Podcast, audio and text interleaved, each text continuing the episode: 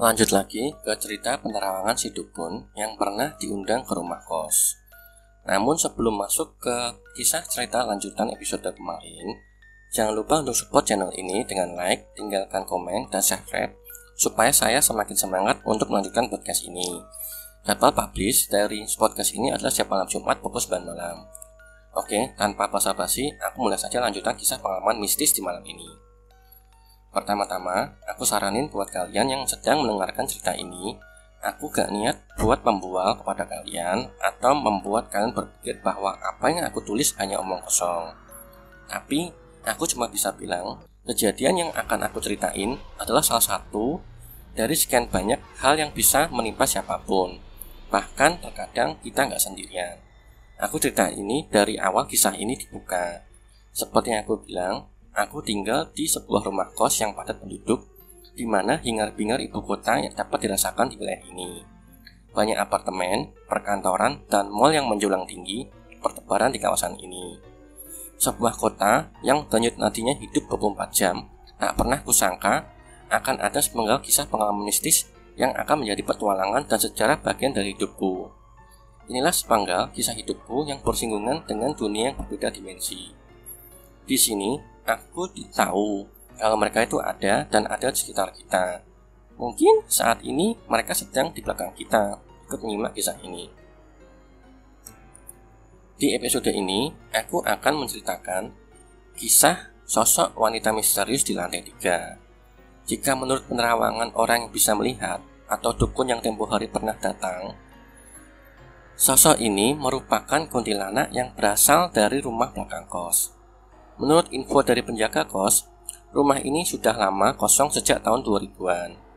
Dan rumah ini hanya dijaga oleh satpam kompleks rumah. Emang sih, aku dulu pernah iseng mengintip rumah tersebut dari lantai 3 saat siang hari. Ada pohon besar yang tidak terawat, sepertinya pohon mangga, di belakang rumah kosong tersebut. Feeling aku sih saat dengar penuturan dari Mbak Kos, sepertinya sosok ini merupakan penunggu dari pohon tersebut atau rumah kosong tersebut. Menurutku masuk akal juga sih pengamatan si dukun ini. Kenapa? Kuntilanak tersebut berkentayangan di lantai tiga kosan. Karena di lantai tiga terdapat tangki air dan jet pump. Karena tempatnya lembab dan basah, makanya si Kunti suka di situ dibandingkan lantai empat yang kering dan mungkin sudah ada penunggu lain di sana. Dan ini persis dengan firasatku waktu awal pindah. Firasatku saat itu mengatakan ada sosok wanita di lantai tiga suka ngeliatin aku. Aku yakin sosok inilah yang aku rasakan saat itu. Sosok ini suka banget mengintip aku dari bodas tangga lantai tiga saat aku pulang. Dan sosok inilah yang mungkin dilihat anak lantai tiga. Aku sendiri pernah diliatin bahkan didatangi lewat mimpi oleh sosok ini. Cerita dimimpiin akan ada di episode selanjutnya. Bahkan, penjaga kosnya sendiri juga tak berani ke lantai tiga sendirian, kecuali ada masalah pompa air atau air di tangki habis. Abuku pun juga begitu. Semenjak sosok ini menampakkan diri ke aku dan mendengar penuturan penglihatan mata batin si dukun, aku semakin tak berani, bahkan tidak pernah lagi ke lantai tiga pas malam hari. Itulah sebabnya aku menyiapkan ember besar dalam kamar mandi sebagai penampungan air buat jaga-jaga kalau seandainya ada masalah air mati di malam hari, aku masih bisa mandi tanpa harus naik ke atas. Jadi begini ceritanya, di malam itu suasananya lain. Suasana yang paling tidak aku suka. Kamar sebelah tumben menjadi hening. Kamar sebelah yang biasanya beraktivitas setiap lewat jam 12, tapi malam itu nggak ada suara. Angin lewat saja nggak ada. Hal yang seharusnya membuat saya senang karena mungkin tidak akan diganggu malam ini tapi anehnya, aku justru khawatir. Malam ini pasti ada sesuatu. Karena firasat semakin lama semakin gak enak. Akhirnya, aku yang baru saja pulang dan tiba di kosan malam itu, aku berjalan sendirian menyusuri lorong sungai menuju kamarku. Namun setidaknya aku masih bisa bernapas lega dan menenangkan hati. Karena untungnya adikku sudah tiba di kamar dan saat itu dia sedang terlelap. Kala itu, lantai tiga sudah ada penghuninya. Saat itu kalau nggak salah, sudah lewat tengah malam. Aku baru pulang ke kosan. Pas aku mau mandi, kok air di shower keluarnya kecil. masih keluar tapi nggak deras seperti biasa. Alhasil, aku pun inisiatif ke lantai 3 untuk mengecek pompa air. Apakah dalam kondisi on atau off? Karena kadang pompa suka dalam kondisi off. Aku waktu itu pun juga nggak terlalu takut ataupun bagaimana karena lantai 3 saat itu kamar sudah terisi full ada penghuninya lagian juga temanku yang berisik ini juga lagi di kamarnya kamar dia posisinya di seberang pompa air dan pintu kamar dia lagi dalam kondisi pintu terbuka Maklum, lagi ngerokok dia. Saat itu, aku melewati kamar dia dan mengecek pompa air. Ternyata pompa air dalam kondisi on.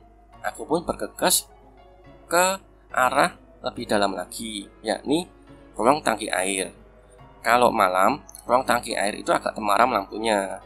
Tapi karena menurut aku, di lantai tiga sudah ada penghuninya, aku pun nggak terbesit rasa takut. Namun ada kejadian tak terduga yang meruntuhkan keberanianku seketika. Saat aku mendekati tangki air guna mengecek apakah ada air atau tidak, tiba-tiba tepat di samping kananku muncul sosok wanita berdasar putih yang mirip kuntilanak. Seumur hidup, baru kali ini aku melihat sosok hantu yang disebut kuntilanak dalam jarak aku dan si kunti ini sangat dekat, mungkin setengah meteran. Aku bilang sih amat sangat dekat. Tiba-tiba muncul sosok bayangan putih tepat bergerak persis di sampingku. Wush! Aku pun refleks menengok ke arah kanan. Alangkah kagetnya yang aku lihat wujudnya, mukanya serem banget. Dan sempat lihat walaupun sebentar. Sebagian mukanya seperti Two-Face musuhnya Batman. Di satu sisi berwajah wanita muda, namun sebagian sisinya bermuka jelek seperti nenek-nenek dan berkulit pucat. Yang bikin serem, di sisi wajah wanita muda, kelopak matanya bolong, namun di sisi yang berwajah nenek-nenek, matanya mau jatuh karena menjuntai ke bawah hingga pipi. Yang bikin aku sempat mual, bagian mukanya yang mirip kayak nenek-nenek, kulitnya kayak meleleh kendor ke bawah. Nah, sisi wajah yang satu lagi itu kayak nenek-nenek dengan ributnya yang melorot ke bawah. Warna kulit mukanya seperti kulit busuk ungu hitam-hitaman. Kalau biasa kalian lihat di televisi kan putih pucat. Yang ini warnanya seperti mayat busuk gitu. Nggak ada bola matanya sebelah sisinya, Sosok itu muncul sekejap di samping dan berjalan bus lalu menghilang. Aku yang kaget saat itu langsung jatuh. Kakiku lemes banget ya bisa berdiri. Udah saking takutnya nggak berhenti gemetaran. Aku pun tidak bisa teriak karena saking kagetnya. Aku berjalan nyesot ke arah pos temanku yang sedang merokok. Dia pun tertawa mendengar ceritaku, malah katanya dia sudah sering digangguin sama dia. Katanya sekarang udah nggak lagi diganggu katanya. Aku di situ Mencoba tetap kalem sambil ngobrol. Cukup lama aku diam di depan kamarnya karena kakiku masih lemas. Kami saling lempar obrolan sembari meledek aku yang ketakutan. Dia bilang, Bro, makin lu takut, makin berani dia nakutin lo. Lo kudu berani. Gua dulu sering diusilin sama dia, tapi gue cuekin dia. Sekarang udah nggak pernah lagi. Mungkin bosan sama gua. Agak mempan, makanya dia ngincer lo. Aku pun dikasih tahu sama temanku ini spot-spot mana saja yang biasa si Kunti ini nongol. Aji gile, udah apa aja dia. Makin aku kagum sama kawanku satu ini. Kok berani ya, mentalnya kuat banget. Tiba-tiba temanku ini bersikap aneh. Beberapa kali dia noleh ke kanan kiri sambil matanya mendelik. Setelah kurang lebih lima kali dia melakukan itu, dia lalu bilang, udah, gak usah takut. Kalau takut, malah dia makin ngincar lu. Menurut info dia, sosok ini biasa muncul di tangki air dan kamar depan tempatnya. Dulu, pas kamar depannya masih kosong, sering terdengar suara seperti ketukan di meja maupun di lemari kayu. Padahal kamar tersebut terkunci dan masih kosong. Sekarang kamar tersebut sudah terisi dan penghuni tersebut nyantai-nyantai aja sampai sekarang. Emang menurutku anak-anak kos di lantai tiga rata-rata cowok Badung dan bermental baja. Dulu dia pernah mengalami kejadian diganggu oleh makhluk ini. Salah satunya adalah kejadian gangguan suara aneh saat itu. Terdengar seperti ada suara yang mengetuk pintu atau jendelanya. Tapi anehnya nggak ada orang. Kiri kanan juga kosong, kurang lebih 5 menit suara itu. Karena terlanjur sudah bangun, mau tidur lagi nggak bisa. Karena firasat buruk itu masih ada, semakin larut, semakin terasa keinginan untuk buang air kecil. Karena semakin ditahan, semakin susah dia tidur. Akhirnya dia keluar kamar dan bergerak menuju kamar mandi. Nah, saat itu, saat melewati kamar sebelah, terdengar seperti ada yang ngetuk sebanyak tiga kali di pintu. Di situ dia sadar mungkin suara-suara yang dia dengar termasuk suara ketukan misterius seperti ingin memberi peringatan kepadanya hanya saja dia yang kurang bisa menangkap pesan itu. Penasaran dengan kisahnya, aku mencoba mengulik apakah dia pernah melihat wujud sosok itu dengan jelas. Dia mengaku saat pertama baru masuk kamar, dia sudah diberikan pertanda yang salah satunya dia mencium aroma busuk seperti bangkai, yang awalnya dikira berasal dari kamar mandi. Semakin lama, semakin menyengat, namun dia jok aja seolah nggak peduli dengan bau busuk itu hingga akhirnya bau tersebut hilang dengan sendirinya. Lanjut lagi ke cerita penerawangan si dukun yang pernah diundang ke rumah kos.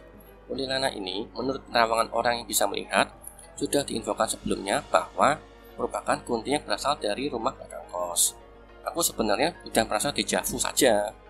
Kok bisa ya, firasatku ini persis dengan pengamatan batin si dukun. Padahal sebelumnya aku masih simpan rapat-rapat kejadian ini. Barulah setelah si mbaknya cerita, aku pun menceritakan kejadian yang aku alami mbaknya cuma bisa berkedip ngiri. Oke, sekian ceritaku ini. Percaya nggak percaya, terserah bagaimana kalian menyikapi cerita ini. Dan aku cerita ini cuma ingin membagi pengalaman, semoga kalian terhibur dan suka dengan cerita ini. Jadi sekian dulu untuk part ini, pantengin aja channel ini dan jangan lupa untuk klik like, share, dan leave comment dan subscribe ya. Karena cerita ini masih bersambung terus, berkelanjutan masih panjang episodenya.